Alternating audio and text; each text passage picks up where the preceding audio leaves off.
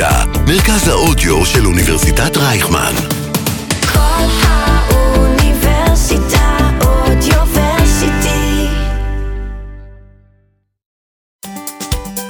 מסביב לעולם ב-40 דקות. מסע פוליטי בין מדינות ותרבויות. עם יוסי מצרי.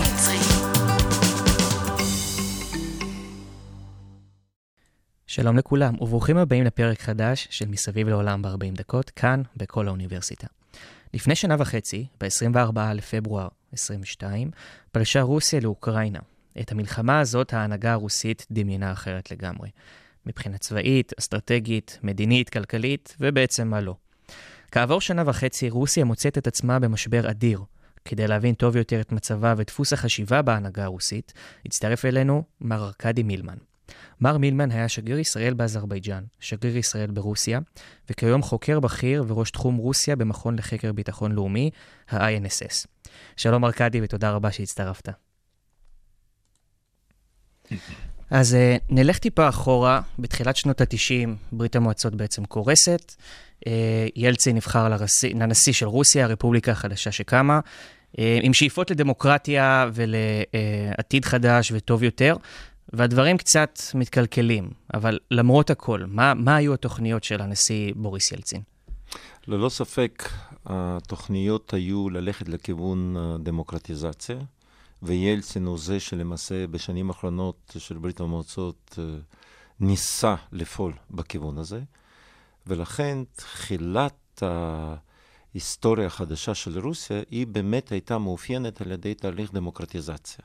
אבל כנראה שהוא לא נעשה בצורה הכי נכונה, הוא לא נעשה בצורה עמוקה, ולכן במהלך מספר שנים העניינים התגלגלו לכיוונים שלא כל כך נצפו מלכתחילה. הייתה מין תקופת הרומנטיזם אז, וכולנו, גם אני אישית, ששירתתי אז uh, במוסקבה באותם ימים, uh, הייתה תחושה שהנה, אנחנו באמת נכנסים לאיזשהו עידן עידן חדש. חדש לגמרי, דרמטי מבחינה חיובית, כן, עכשיו כבר אין את המשטר הזה הנוראי של ברית המועצות, אין כבר, לא צריכה להיות כבר תחרות הזאת או מלחמה קרה או מלחמה בין מעצמות. העולם יהיה הרבה יותר טוב, הרבה יותר יפה, הרבה יותר דמוקרטי, נאור יותר. ואז... דברים התקלקלו. התקלקלו. אז היורש של ילצין בא ממקום קצת לא צפוי. סוכן קג"ב לשעבר, שאיכשהו התגלגל לעיריית סנקט פטרבורג, משם, לא יודע, לרשות ה-FSB וכולי וכולי. שמו הוא כמובן ולדימיר פוטין. ביום האחרון, לדעתי, נכון? של 99, הוא בעצם נכון, נכון. מקבל את השלטון, ומאז פחות או יותר הוא נמצא שם. מה אפשר להגיד, לספר על קורותיו, אודותיו של, ה, של האיש הזה? זו שאלה מורכבת, מכיוון ש... תראו, קודם כל הוא לא, הוא לא הגיע ממש מאנונימיות לתפקיד של נשיא רוסיה. ברגע שהוא עמד בראש ארגון ה-FSB, היורש החוקי של KGB, הוא כבר היה מוכר מאוד במסדרונות השלטון. אולי אנשים ברחוב לא כל כך התעניינו מי זה היה אז ראש ה-FSB, אבל בהחלט הוא היה דמות ממש מוכרת. מוכרת וגם ו... עם כוח, מן הסתם. בוודאי, זה אחד הארגונים הכי חזקים עד היום הזה. אז לכן אה, הוא באמת אה, כבר הגיע לשלטון כשכבר הוא היה מוכר. עכשיו, לפני זה הוא מונה לתפקיד של ראש הממשלה, וכשילצין בפני חברי הפרלמנט שהיו צריכים לאשר את המועמדות שלו, זה היה בקיץ 1999, באוגוסט, אם אני לא טועה, 99, הוא כבר אז אמר שהוא מקווה שבבחירות הבאות לנשיאות, העם הרוסי יצביע בעד פוטין. כלומר, הוא אז, אז סימן אותו כיורש, ובאמת ב-31 בדצמבר הוא העביר את השלטון לראש הממשלה, כי על פי החוקה הרוסית, אם, נוס, אם הנשיא פורש לפני תום... תום כהונתו. תום כהונתו, אז ראש הממשלה הוא ממלא מקומו עד הבחירות, ואז כבר... כל השאר זה כבר היסטוריה. וכך פוטין נכנס לנעליו של ילצין. עכשיו, דבר מאוד מעניין, שזה גם כן אירוניה היסטורית, זה למאזינים, כדי שקצת התמונה תהיה באמת מעניינת יותר.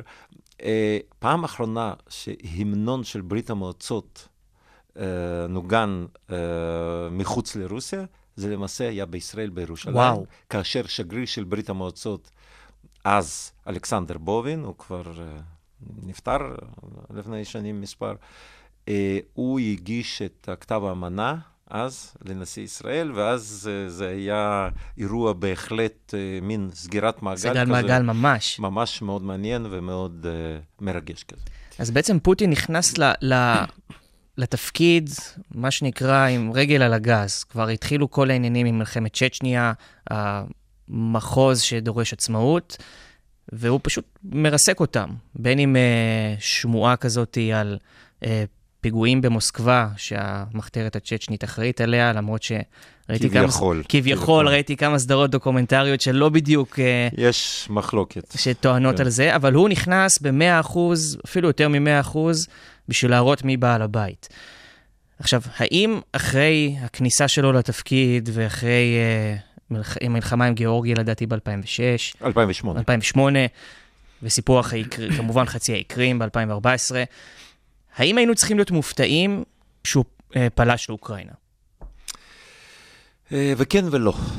וכן ולא. אה, אני הייתי פחות מופתע, אה, כמובן, מכיוון שאני עוסק בנושא כל הזמן, אבל אה, אה, אם להסתכל ככה מן הצד, אה, צריך להבין, אה, אותו פוטין שנכנס לתפקיד נשיא רוסיה אה, ב-1 בינואר אה, 2000, שנת 2000, ופוטין של היום, אפשר להגיד שזה אנשים שונים. הוא עבר איזושהי טרנספורמציה מאוד מאוד עמוקה. יסודות נשארו אותם יסודות, אבל על היסודות האלה הולבשו כל מיני שכבות של כל מיני אידיאולוגיות, דעות שונות, אה, ראייה שהשתנתה במהלך השנים, הוא גם קיבל, אה, הייתי אומר, ביטחון עצמי מעבר למה שהוא היה צריך למעשה לקבל. זה הלך במשך שנים. אגב, מלחמה עם צ'צ'ניה עוד התרחשה בתקופת ילצין. בתקופת ילצין. כן, זו הייתה מלחמה באמת עקובה מדם, וזו הייתה נוראית מלחמה.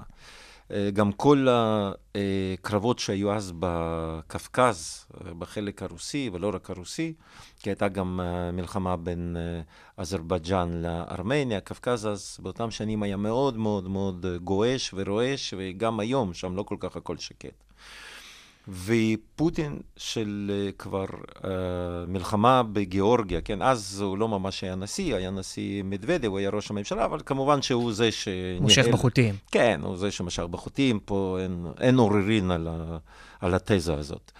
Um, הדברים um, שהתרחשו, הם היו דברים באמת בכיוון של לא דמוקרטיזציה של רוסיה והמשך התהליכים שאולי יכלו לקרות אם היו פועלים נכון. הם הלכו לכיוונים אחרים. ומה שמאוד הפחיד את פוטין, ואנחנו יכולים לראות את זה בצורה מאוד מאוד כרונולוגית, הרוח החופשית של מהפכות צבעוניות, כשהעם ברפובליקות שהם עטפו את רוסיה, כמו אוקראינה, לדוגמה בסוף 2004, או בגרוזיה גם לפני זה, כן? או בקירגיסטן, או במקומות, או במולדובה לדוגמה. הרוח הזאת של העמים האלה, ללכת לכיוון של דמוקרטיה ליברלית, הפחיד אותו מאוד. הוא ראה התפרקותה של ברית המועצות כטרגדיה אה, הכי גדולה של, של המאה ה-20. של המאה ה-20. הוא לא אמר, זה מלחמת העולם השנייה, זה לא שואה, לא מלחמת העולם הראשונה, שגם אה, נפלו ונהרגו מיליונים של אנשים. הוא דווקא ראה התפרקותה של ברית המועצות, שיחסית היא הייתה התפרקות בהסכמה, ויחסית הייתה ללא קרבות וללא מלחמות אזרחים.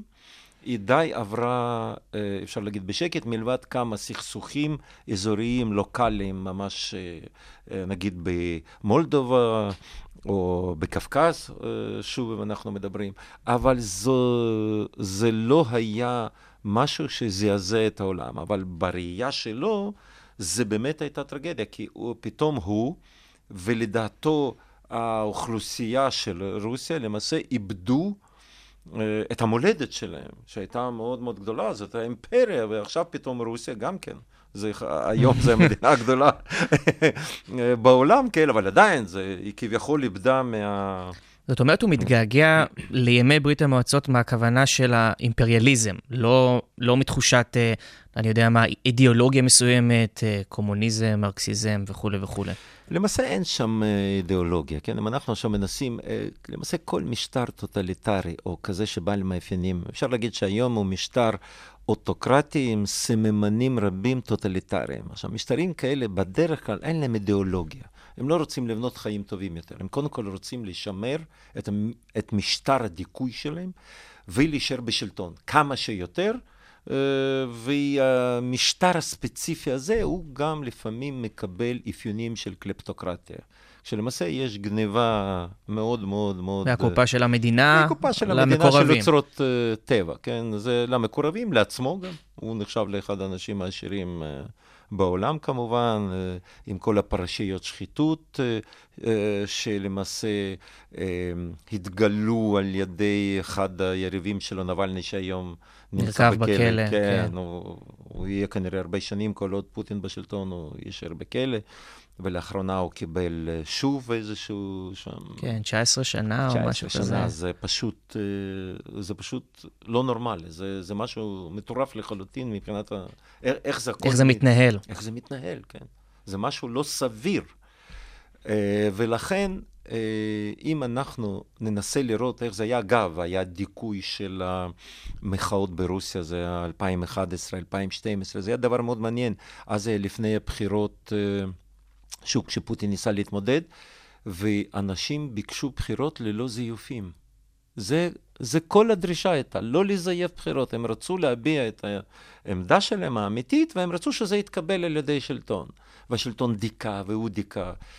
אוקראינה דווקא שם, אם אנחנו משווים כדי להבין את הניואנסים, באוקראינה, שם הכל הלך בצורה שונה. אנשים יצאו לרחובות ודרשו החלפת השלטון, ובסוף הצליחו. זה קרה גם ב-2004, כשהם דרשו סיבוב שלישי בגלל הזיופים, ואז נבחר הנשיא שהרחוב תמך בו.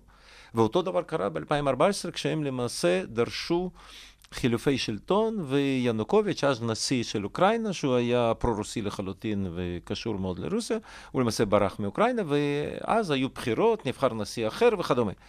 מבחינת פוטין זה היה דבר שהוא פשוט בל יעבור, זה משהו שהדהים אותו, איך יכול להיות שהעם יוצא לרחוב? שהעם יוצא לרחוב ומשנה את כן. זה התוצאה ש- להיות? שהשלטון קבע. זה בניגוד לכל הכללים, אבל זה בניגוד לתודעה שלו, זה בניגוד להבנות שלו, זה בניגוד למה ש... איך הוא רואה איך עולם צריך להיות בנוי. הכל צריך להיות מלמעלה, צריך לתת הוראה והיא צריכה להתבצע, ולעם למעשה אין זכות דיבור.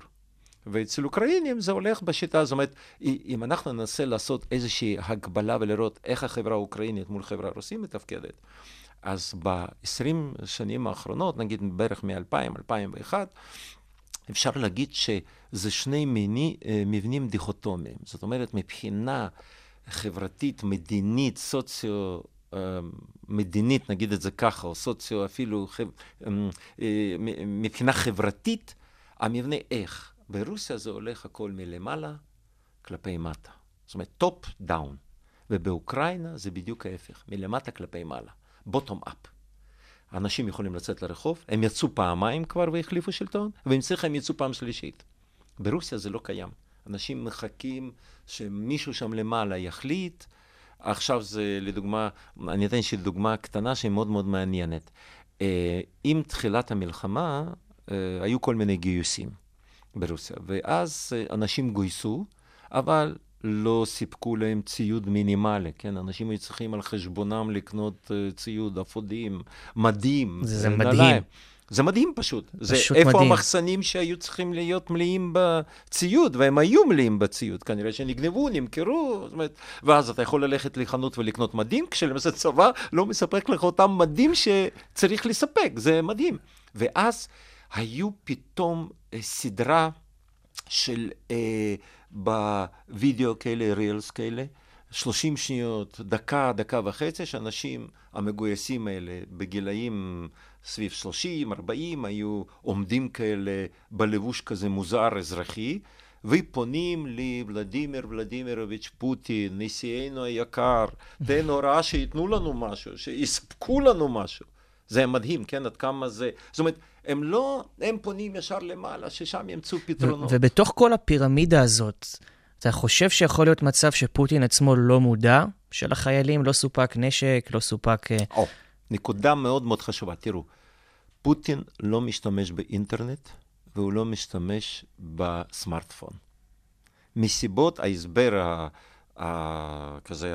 רשמי. רשמי הוא, הוא, זה מסיבות ביטחוניות, שלא ידעו בדיוק מה הוא מסתכל, מה הוא בודק וכדומה. כל מה שהוא מקבל אינפורמציה, זה למעשה מהסביבה הקרובה.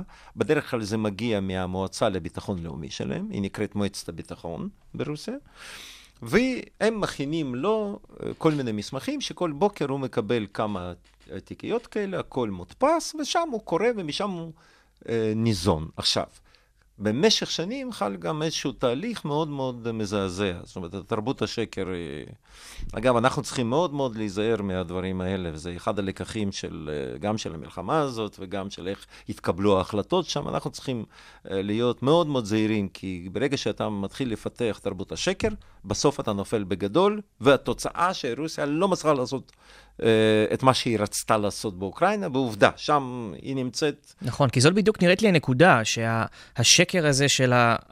הממונה מפחד מהממונה עליו, ומעליו ומעליו, וכולם מציגים תוצאות שעל פניו אמורות להיות בסדר, כי הכל אמור להיות מתפקד, אבל בעצם לא. אבל בעצם לא, אבל אה, הם אה, נותנים אינפורמציה למנהיג שרוצה לשמוע רק את מה שהוא רוצה לשמוע, ולא מה שקורה באמת. כי אם לו הוא היה רוצה לשמוע באמת, אז הוא היה... הולך ומנסה לעשות זה. לא, הוא מאמין לאנשים שמביאים לו את זה, כי ככה זה צריך להיות. ולכן זה מין עולמות מקבילים שמתקיימים בו זמנית. כשאנשים למעשה יודעים ששם למעלה... זאת אומרת, יכול להיות שבלשכה של אה, נשיא אוקראינה וולודמיר זלנסקי ובבית הלבן אצל ג'ו ביידן רואים תמונה אחת, ובלשכה של אה, נשיא רוסיה ולדימיר פוטין רואים תמונה אחרת לגמרי? רואים תמונות בהחלט שונות, ורואים מזוויות שונות. תראה, גם אנחנו עכשיו יושבים באולפן, ואני לא יודע מה קורה מאחורי הגב שלי, ואתה לא יודע עכשיו מה קורה. על פניו לא צריך לקרות שום דבר, כן? אבל אנחנו לא יודעים, כן? Uh, צריך להסתכל אחורה כדי שאני אדע מה קורה. אבל uh, בהחלט הם רואים תמונה בצורה שונה, והמודיעין שעובר בצורה שונה, ושיתוף פעולה בין האוקראינים לאמריקאים, לדוגמה, בתחום המודיעין, הוא ברמות אחרות לחלוטין.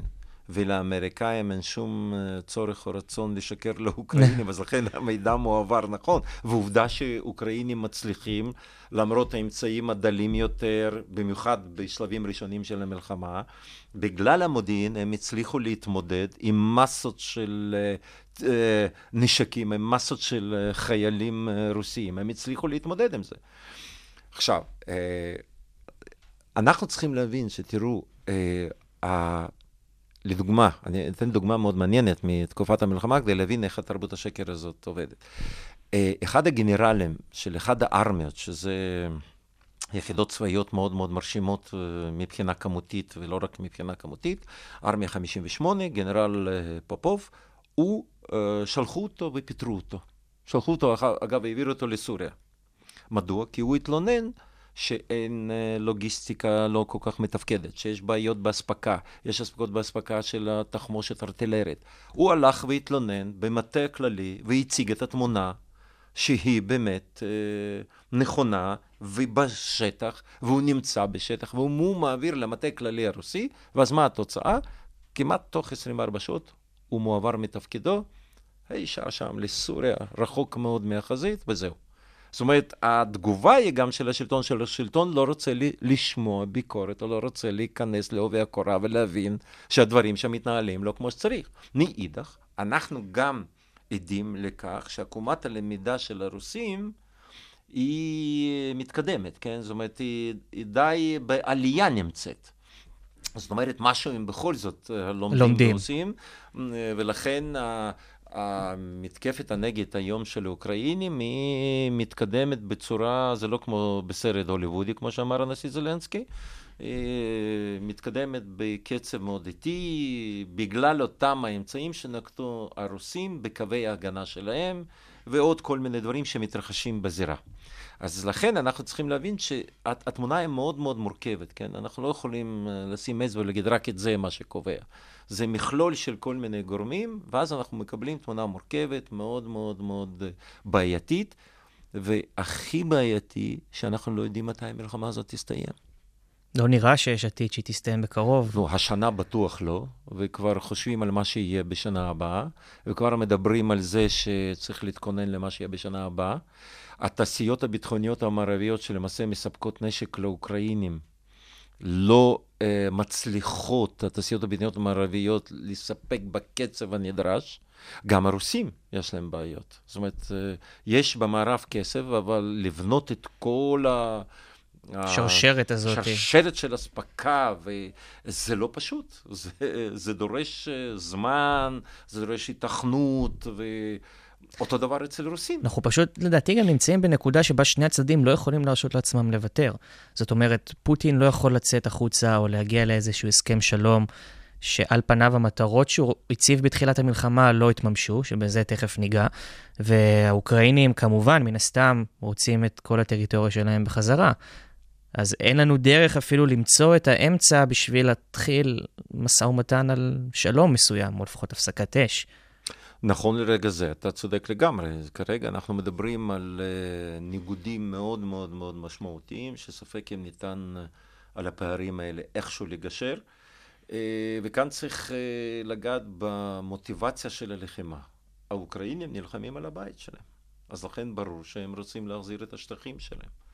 האוכלוסייה חייבת לחזור לאותו מקום, אם בכלל היא תוכל לחזור, כי יש לדוגמה מקומות שהם הרוסים לחלוטין, כמו העיר בחמוט, שזה בכלל... אה, שם אין, כן. אין, אין לאן לחזור, אין, אין, הכל הרוס שם, אין, אין צורך, אין טעם, כן, אי אפשר כבר, כן.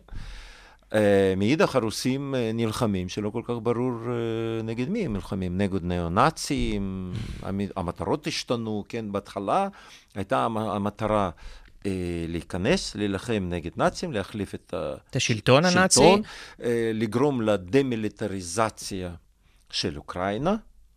אה, והדבר השלישי זה למעשה להחליף שלטון ולהגן על אזרחי האזור המזרחי דונבאס, שכביכול שם נפגעו הזכויות של אוכלוסייה דוברת רוסית.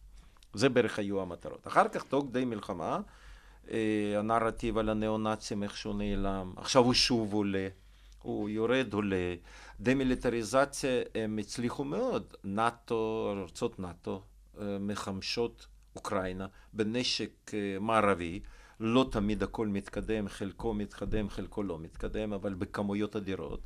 אז נכון שהוא גרם לדמיליטריזציה מהנשק הסובייטי הרוסי שהיה לצבא אוקראינה, אבל הוא קיבל עכשיו נשק מערבי. בכל מיני רמות, והוא ימשיך, וכנראה שצבא אוקראינה, שהיום הוא אחד הצבאות החזקים באירופה, גם מבחינה מספרית, גם מבחינת הניסיון לחימה, אה, וגם מבחינת הנשק שכבר קיים ברשותו, כן? כך שמבחינה הזאת, זה בטוח לא. ניאו-נאצים עדיין מחפשים, לא מצאו אותו. האם הוא, פוטין, כשהוא יצא למלחמה, הוא רצה את אוקראינה כמדינת חסות style בלרוס, או שהוא רצה... את אוקראינה כמקור ההיסטורי, עם כל הסיבות, אתה יודע, של ההיסטוריה, נסיכות קייב, וה... נכון. אה, זה משולב ומעורבב, וזה מין מיקס כזה של אה, כל אותם גורמים. ללא ספק, אוקראינה בראייתו נתפסת כמדינת חסות חד משמעי, זה שטח טבעי של אימפריה הרוסית, והוא כבר מדמיין לעצמו איך הוא מחזיר לרוסיה את החלקים שכביכול במהלך התפרקותה של ברית המועצות אה, נטשו את רוסיה, עכשיו הם, חלקים האלה חוזרים אה, אליו, במיוחד אוקראינה, כן, זה בהחלט אה, עניין היסטורי של נסיכות קייב, שמשם למעשה בא השם רוס, רוסיה, כן, משם זה בא. מבחינתו זה מרכיב מאוד מאוד חשוב. ולכן מבחינתו זה היה טבעי מאוד לפלוש. איך זה? כן, אז הוא, הוא גם, גם פולש וגם מצפה שיקבלו אותו עם, עם פרחים ו... עם פרחים, ואז העם מתנגד, ואז הם בשוק איך זה יכול להיות, כי מכרו לו סיפור ש...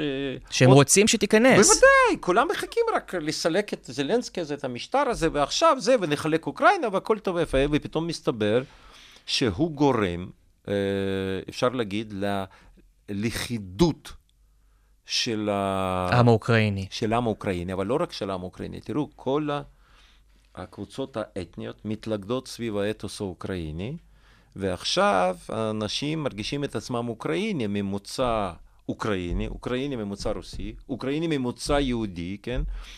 קהילת יהודי אוקראינה לא ממש אה, מיד הכל עזבה והגיעה לכאן, כי זה מין לכידות, זה הזדהות עם איזה שהם אה, ערכים ורצון להיות חלק של אירופה, חלק של אה, מדינות אה, מתקדמות, מתקדמות, נאורות, נאורות. להיות עם איכות חיים, אה, לנהל אה, חיים יפים ולהיות בתוך זה, כן? ופתאום לוקחים מהם את החלום הזה, כן? אז לכן זה משהו שהוא שונה לחלוטין, כשהוא בעצמו למעשה לא התכוון, יתרה מזו. אה, בקיץ 2021 הוא פרסם, כמובן כתבו לו בהנחייתו איזשהו מאמר שהתפרסם, ששם הוא טען שאוקראינים ורוסים זה אומה אחת, שתי מדינות. one nation, two countries. אבל זה לא נכון פשוט. נכון, זה עמים קרובים, ונכון ששורשים הם אותם שורשים, אבל זה שפה נפרדת, זה עם נפרד, זה פסיכולוגיה נפרדת, מנטליות אחרת. יש הרבה ניסויים מעורבים. נכון, בין שתי מדינות, הגבול היה פתוח, אה, לפני מלחמה היו עשרות אחוזים אה, של חברות אוקראינית שבעלי מניות שם היו אזרחי רוסיה, רוסים ממש, הגיעו משם ו... והיו יחסי מסחר, ופתאום... הוא- הכל מתנתק. הכל מתנתק בבת אחת, זה, אה, זה פשוט אירוע טקטוני מבחינת היחסים בין המדינות האלה. אם מישהו היה אה, חושב לפני, לא יודע, כמה שנים, האם זה בכלל אפשרי, לא היה מאמין. אף אחד לא היה מאמין. אפילו כשהיו קרבות ב-2014, אחרי חצי האי קרים, עדיין נמשכו... יחסים מאוד כן, קרובים, כן, תרבותית, עדיין. מסחרית. תרבותית, מסחרית, אה, טלוויזיות אה, שודרו וזה, אנשים נסעו, אה, לא היו ויזות, אה, זאת אומרת, יכולת להיכנס בלי ויזות, זאת אומרת, וזה היה מסחר כמובן ברמה, והרבה אה, עובדים אה, אה, אוקראינים אה, נסעו לעבוד אה, ל- לרוסיה ועבדו בכל מיני מקומות, זאת אומרת, זה היה אה, איזשהו, זה היו חיים, אפשר להגיד, בהחלט משותפים מאוד, ופתאום יום אחד טילים על קייב, טי- טילים על כל אוקראינה, אנשים נהרגים, כל יום יש אה, הרוגים, אזרחים, זה אלפים כבר, ילדים, זה, זה מזעזע. בריחה של אה, נשים וילדים מחוץ לגבולות אוקראינה, זה בערך עזבו רבע אוכלוסייה, אנחנו מדברים בערך עשרה מיליון, וואו. פלוס מינוס, זה כמות מספרים אדירה. מטורפים. זה מטורף, זה מספרים מטורפים. ולכן אה, זה, אה, זה קשה מאוד לקבל שעצם ההחלטה הזאת הייתה טעות דרמטית מבחינתה. ואפרופו טעות, נדבר על ההשלכות שלה. בעיקר ככה מכמה כמה בחינות. קודם כל, ברית נאט"ו, שהתרחבה והתעוררה מחדש, אה, התאחדה מחדש סביב אויב משותף, ומדינות חדשות שהצטרפו, כמו שוודיה ופינלנד, שאני חושב שההשלכות של זה לרוסיה הן קטסטרופליות, כי פינלנד היא בעלת הגבול הארוך ביותר עם רוסיה, אם אני זוכר נכון. 1,300 קילומטר. וסן פטרבורג עכשיו בתוך הים הבלטי, המפרץ שלה מנותק, כאילו תלוי לחלוטין במדינות נאט"ו. אה, כלכלית כמובן, הסנקציות המערביות על רוסיה, וההשלכות הצבאיות וכולי, ואנשים שמתים. איפה רוסיה נמצאת היום? לאן פניה המועדות בזמן הבינוני, קרוב? תראה, אה, התרחשו באמת איזה שהם אה, תהליכים מעניינים מאוד, אה, שהם מאופיינים על ידי דחיסות יתר, אם אפשר להגיד כזה, compression כזה. תוך שנה, או תוך שנה וחצי, פתאום התרחשו כל מיני תהליכים שפעם זה היה לוקח שנים, שנים. ארוכות ואף אחד לא זה, פתאום אנשים, פתאום פינלנד שהייתה תמיד, הייתה, בכלל היה מושג פינלנדיזציה, זאת אומרת של מין נייטרליות מסוימת שבח, שליד להיות אה, ליד ברית המועצות ואז לא לעשות שום דבר. ושלא ולפחד- להרגיז. שלא להרגיז וכדומה. שוודיה, ש-200 שנה האחרונות, 300 שנה האחרונות, בכלל. לא ידעה אה, מה זה מלחמות, כן? ופתאום המדינות האלה הולכות לנאט"ו. ופתאום הגבול הארוך הזה. עכשיו, הנרטיב הרוסי, שהיה מאוד מאוד נוח לפוטין, ב- לפני המלחמה, הוא היה שנאט"ו למעשה רוצה לתקוף את רוסיה. באמצעות אוקראינה. ובכלל התרחבות נאט"ו זה, הנאט"ו חייב להתקפל, והאולטימטום בדצמבר 2021 הוא מעביר מכתב למדינות נאט"ו ולארצות הברית, ואז אומר, אתם חייבים לעזוב את אה, מזרח אירופה ולהגיע לאותם המקומות שהייתם לפני התפרקותה של ברית המועצות, וזה אסון גדול וכדומה. אבל זה רק נרטיב. למעשה הוא לא כל כך אמיתי, כי כאן אני אביא כמה ציטוטים מאוד מעניינים. ב-2004, אני הולך אחורה, כן, לפני 20, אה, כמעט 20 שנה, כן, ביקר אז מזכ"ל נאט"ו במוסקבה, ואז פוטין אמר לו, כן, אנחנו לא כל כך אוהבים את ההתרחבות של נאט"ו, אבל לכל מדינה יש זכות לבחור באיזה ברית לחיות. אנחנו מבינים את זה. ואז הוא אומר משפט שבאותם ימים הוא נשמע משפט אה, נורמלי לחלוטין, היום הוא נשמע שלא יכול להיות שפוטין בכלל אמר את זה. ואז הוא אמר, אני מקווה מאוד שהתרחבות נאט"ו תתרום לביטחון באירופה. ש... וואו. לשמוע, וואו, וואו. זה, זה איש אחר כנראה אמר. לא ממש. עכשיו, אני, נכנסים למכונת הזמן ומהר מאוד טסים ל-2023. פינלנד אה, מתקבלת לנאט"ו, כן? כבר ב-22 למעשה אה, בפסגת מדריד, ב-30 ביולי, נדמה לי. שם מחליטים על אה, קבלת של אה, פינלנד ושוודיה, ואז פינלנד ב-23 הופכת להיות רשמית, כן, חברה של נאט"ו, ועכשיו שוודיה בתהליכים כבר לסיים את הביורוקרטיה. ואז אה, לפני הכניסה, פוטין אמר, זה קווים אדומים. אנחנו לא נוכל אה, לעבור לסדר היום אם פינלנד תיכנס ושוודיה לנאט"ו. ואז אחרי שפינלנד נכנסת לנאט"ו והופכת להיות לחברה מלאה, מה פתאום אומר פוטין? פתאום פוטין אומר משפט שלגמרי לא מתיישב עם מה שהוא אמר לפני זה. ואז אני, אני מצטט. פינלנד נכנסה לנאט"ו? טוב, אין לנו סכסוך טריטוריאלי עם פינלנד, אם הם רוצים להיות בנאט"ו, שיהיו בנאט"ו. אבל אם שם יהיה עיבוי כוחות, אז גם אנחנו אה, נעסוק בזה וגם כן נרחיב כוחות ליד הגבול. אבל אין לנו סכסוך טריטוריאלי, שיבושם להם. זאת אומרת, אז איפה הנרטיב? נאט"ו רוצה לתקוף. עכשיו קיבלת עוד חברה בנאט"ו עם גבול... גבול של מעל אלף- אלף קילומטר. 1300 קילומטר, כן, עד עכשיו זה רק שתי בלטיות היו כחברות נאט"ו אה, שם, ועכשיו אתה קיבלת גם... אז איך? כי זה בדיוק הנקודה, שהיסודות והדברים שנמצאים מתחת לפני השטח, הם אלה שקובעים, וזה הניסיון שלו למנוע מהרוסים ללכת בכיוון של אה, התפתחות דמוקרטית, ליברלית, הכל הולך לכיוונים טוטליטריים, הכל הולך לכיוון של דיכוי זכויות אדם, של דיכוי של חופש ביטוי, אה, דיכוי אה, גם חלקים מסוימים של דת, כי לדוגמה היו שם כל מיני התבטאויות אנטישמיות נגד חב"ד או כל מיני דברים. זאת אומרת, אנחנו צריכים לקחת בחשבון שלמעשה הוא מנסה להציג תמונה, פסאדה כזאת, שכביכול תוקפים אותו, שתו לי, אכלו לי, כן? אם להגיד את זה בצורה הכי פשוטה. אבל מסתבר שזה לחלוטין לא. הוא מפחד לאבד שלטון, ואין לו למעשה את אסטרטגיית היציאה. כי לו הייתה, הוא כבר היה נופל היה יורד מהעץ הזה כבר. מזמן, אבל לא. ואתה ממש מקדים אותי וקצת על הפחד של פוטין לאבד את השלטון.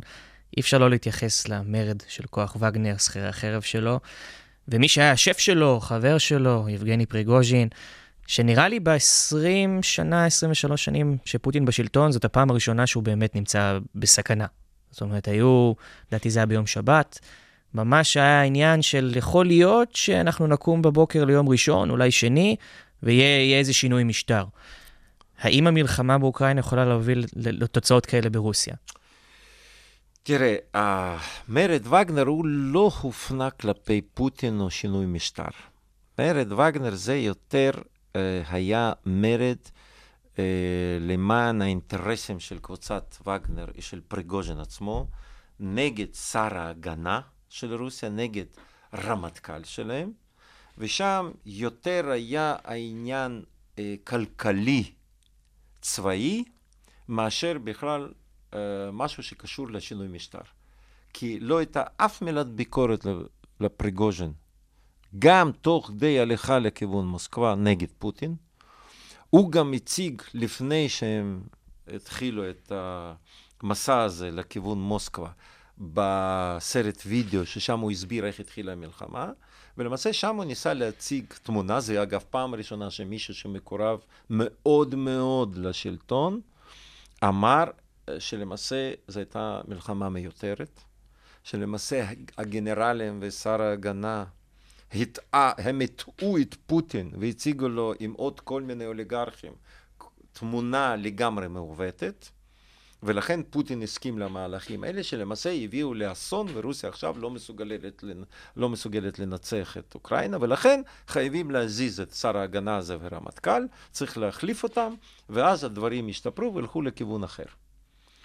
ומדוע גם כל זה קשור? כי תראו, יש פה אה, שוב משהו שאני אמרתי בהתחלת הדברים שלי, שיש מין עולמות מקבילים שמתרחשים בו זמנית.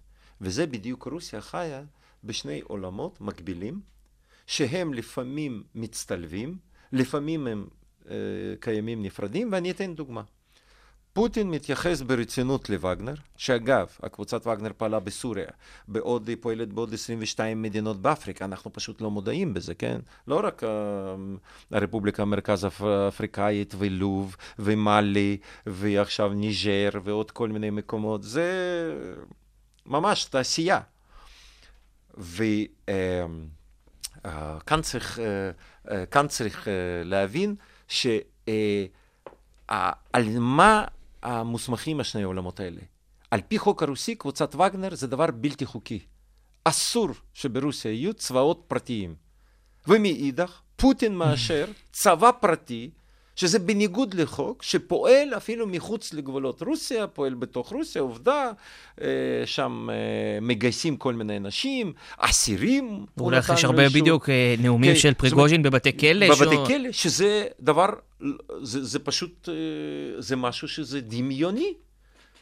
מצד שלישי, פוטין אחר כך מגלה שבמהלך שנים האלה, פריגוז'ין וקבוצתו וכל מיני חברות של פוטין, של פריגוז'ין, קיבלו מאוצר הרוסי 14-15 ביליון דולר. וואו. וואו. וואו. זה הסכום עתק פשוט, זה, זה משהו שלא יכול להיות. והנה, אחר כך הוא, יור, הוא הולך עם המסע למוסקבה, פוטין מכריז... זה ש... מרד, זה... זה מרד, אה, פריגוז'ין בוגד זה, עוברים חמישה ימים, ואז פוטין מקבל את פריגוז'ין ועם עוד 30 מפקדים של וגנר, יש להם מועצה של המפקדים, הם מאורגנים בצורה, יש שם היררכיה צבאית, ואז הם כולם יושבים בקרמלין ומדברים. זאת אומרת, הם כבר לא בוגדים, הם כבר כן לגיטימיים. הרי לפני זה הם היו לא לגיטימיים, הם אסורים על פי חוק או לא אסורים על חוק. ועכשיו אנחנו לומדים שפריגוז'ין ממשיך לקבל כסף מהאוצר הרוסי וגם כל מיני חברות ומכרזים והכול. זאת אומרת, אינטרסים כלכליים, הם שיחקו תפקיד. עכשיו, אני אספר עוד משהו שלא כולם יודעים. מדוע כוח וגנר דווקא נלחם בבחמוט? למה דווקא הנקודה הזאת נבחרה ששם הם הלכו? אני אספר לכם משהו. כי פריגוז'ין בסופו של דבר רצה לקבל מכרות מלח. יש באזור הזה עכשיו... אתר, אחד הגדולים באירופה, הוא 170 משהו קילומטר מרובעים של מכרות מלח באיכות טובה. הוא רצה זיכיון לזה לקבל ולעשות מזה כסף. ולכן הוא היה מוכן להחריב, ושם כנראה הוא חייבו בין 20 ל-30 אלף. סדר בראש, כי אני עד עכשיו לא הבנתי איך על עיירה כזאת, שבזה, מי, מי נלחם כל כך בכזה הקרבה על עיירה? ועכשיו אתה באמת מסדר לי את ה... את החשיבה. גם אותו דבר היה בסוריה, הם נשלחו לפעמים לכמה דברים שקשורים לנפט, לאתרים שקשורים לנפט, הם היו צריכים לגבוש, ואחר כך לקבל זיכיון ולעשות מזה כסף. זאת אומרת, זה דברים שהם פשוט אה, דמיוניים בראייה שלנו. ממש נשמע כמו ימי הביניים, אני חייב כן, להגיד. זה, זה משהו הזוי. אבל עובדה, ככה זה ממשיך. ועכשיו, איך... אה, אגב, זה דבר מאוד מאוד אה, מעניין, שאחר כך פוטין לאחד העיתונאים הרוסים, אחרי פגישה הזאת בקרמלין עם וגנר, אה, הוא פתאום, פתאום הוא קצת ככה סיפר ממה נאמר שם זה, אז הוא אמר שפוטין, פוטין אמר ככה, אני הצעתי למפקדי וגנר לחתום על חוזה עם משרד ההגנה ולהתחיל... להשתלב להיות, בתוך הצבא. להשתלב ו... בתוך הצבא, והם ככה הנהנו להם הראש, אבל פריגוז'ן אמר, לא, זה לא טוב לנו. וזהו. זאת אומרת, ופוטין קיבל את זה, לא טוב להם. זאת אומרת, זה מין יחסים כאלה. עכשיו, אני לא יכול להגיד שפריגוז'ין חבר של פוטין, לא, זה, זה בכלל, עניין של חברים של פוטין זה כן, נושא אחרת. לתוכנית נפרדת, כן. כן, זו, אבל ללא ספק, הוא אחד האנשים המקורבים שיודע בדיוק איך פוטין פועל, זה בן אדם שהיו לו הרבה שעות אה, פוטין, כן, הוא יודע בדיוק איך האיש יכול להגיב על מה, איך הוא מבין בדיוק איך המטבח הזה פועל, וגם צריך להגיד, פריגוז'ין בא מעולם תחתון, מעולם של פשע. הוא ישב בכלא פעמיים, כן? בואו לא נגזים גם שזה איזשהו אה, אה, לוחם צדיק, אה, כן. לשינוי צדיק, לשינוי משטר ולדמוקרטיזציה. זה משהו מזעזע, כן? זה בן אדם ש... שהמערכים רחוקים ממנו, כן? על מה שאנחנו מושתתים, כן? אז לכן התמונה היא מאוד מאוד מורכבת, מאוד מאוד בעייתית, וכנראה שצפויים לנו עוד כל מיני אירועים מעניינים מאוד בעתיד. ושאלה אחרונה לסיום, אם הייתי צריך לשאול אותך על מה אתה חושב שיקרה ביוס, ברוסיה ביום שלמחרת, מה שנקרא, מה, מה היית אומר? אה, זו למעשה שאלה שכל מי שעוסק בנושא רוסיה וחוקר, הוא מתלבט היום באמת לאן זה ילך, כמה זמן זה ייקח שיהיו שם שינויים. אני כרגע לא צופה משהו שיתרחש בעתיד הקרוב. השלטון של פוטין עדיין חזק. יש מיליונים של אנשים שתומכים ונהנים מהמלחמה הזאת, כי יש שם עניין של הרבה מאוד כספים. הרבה אנשים, אה, המטרות של, שפוטין הכריז בתחילת המלחמה, זה לא בדיוק המטרות של העם הרוסי. הרבה אנשים התגייסו בגלל מצוקה כלכלית. היום הם מקבלים סכומים אדירים. אני אתן פשוט דוגמה. יש הרבה אזורים בפריפריה, ושם משכורת הממוצעת היא בסביבות 25, 25 אלף רובלים, 30 אלף רובלים. היום אה, דולר זה 100 רובל, אז אתם כבר מבינים כמה זה המשכורת. וואו. 200-300 דולר. פתאום, אם אתה מתגייס, אתה גבר שיכול להתגייס, גם יש נשים שמתגייסות, אבל מעטות מאוד. אמ, אם אתה מתגייס, אתה פתאום מקבל משכורת של 200 אלף רובל, שזה פי זה עשר. פי, פי עשר כמעט. פי עשר. ואם אתה נהרג או נפצע, אתה מקבל כל מיני פיצויים. אם אתה נהרג, משפחה תקבל 7 מיליון רובל בערך. וואו. ואם אתה נפצע ותלוי מה הפצעים בדיוק, ותלוי רמת הנכות וכדומה, אז אתה תקבל סביבות בין שלושה לחמישה מיליון רובל. אז אנשים הולכים ומתגייסים. הם פשוט עושים שיקול, גם אם אני אהרג, אז לפחות למשפחה שלי יהיה משהו. בבקשה, תהיה זה. זאת אומרת, זו מוטיבציה אחרת לחלוטין. ול, וכאלה מאות אלפים של אנשים. אנחנו לא מדברים על איזה חמשת אלפים איש, שלושת אלפים. מאות אלפים של אנשים. עכשיו, אם על זה אתה תלביש שכבה נוספת, שהיא אה, של הגירה של גברים שבגיוס בספטמבר 2022, את- אנחנו זוכרים את התמונות בגרוזיה, בכל מיני נכון. מעברי גבול של אלפים אלפים, בערך גם כן עזבו איזה בין חצי מיליון למיליון, אנחנו לא, קשה לנו לחשב על זה בערך המספרים. ואז אתה מבין שלמעשה שם, האנשים האלה עזבו, אלה שמתנגדים הם עזבו, כן? ואלה שהרוב הוא למעשה דומם. זאת אומרת, אם אנחנו מעריכים, אז נגיד ככה, יש איזה 15, 20 אחוז אלה שמאוד מאוד רוצים במלחמה וכביכול פטריוטים, אבל המניע הוא כסף, כי מצוקה כלכלית רצינית. יש בערך איזה עשרה אחוז סביב מתנגדים, אבל הם מתנגדים שקטים. פה שם היו, פה שם אנשים נכלאו, פה שם אנשים נאסרו, נעצרו, אבל הרוב המתנגד, הוא יושב בשקט, כי הוא מבין שהוא יכול אה, להיענש, וזה יהיה מאוד לא נעים. כן, לרוסים מאוד לא נעים. ויש את הרוב הדומם, סביב איזה 70 אחוז, 65 אחוז, שהוא מה שיגידו יעשה, רק שזה... רק שיגמר כבר. רק שיגמר כבר. אז לכן, אני לא צופה איזשהו שינוי. גם אין אף אחד בסביבה, איזשהו אופוזיציונר שיכול לסחוב המונים, שיצאו לרחובות וישנו. אם זה יהיה מיליונים, אז יהיה שינוי משטר. אבל איזה מיליונים? כרגע הם מדכאים כל... מישהו, אה, זה היה, אה, היו כל מיני מקרים מוזרים ביותר. יצאו אנשים עם דף A4 לבן, לא כתוב כלום, הם נעצרו. על מה? על אה, מה שנקרא, על ביזוי צבא רוסיה. וואו. אז אנחנו מדברים באמת על משטר שהוא... שיעשה הכ- הכל בשביל להישאר. כן. וככה זה כנראה יימשך בשנים הבאות. נקווה שיהיה פתרון שלום ופתרון אמיתי, ושכל הדבר הזה ייגמר. ושמלחמה באמת תסתיים במהרה. תסתיים. מר ארכדי מילמן, תודה רבה לך. תודה. תודה רבה לכל המאזינים, ונתראה בפרק הבא.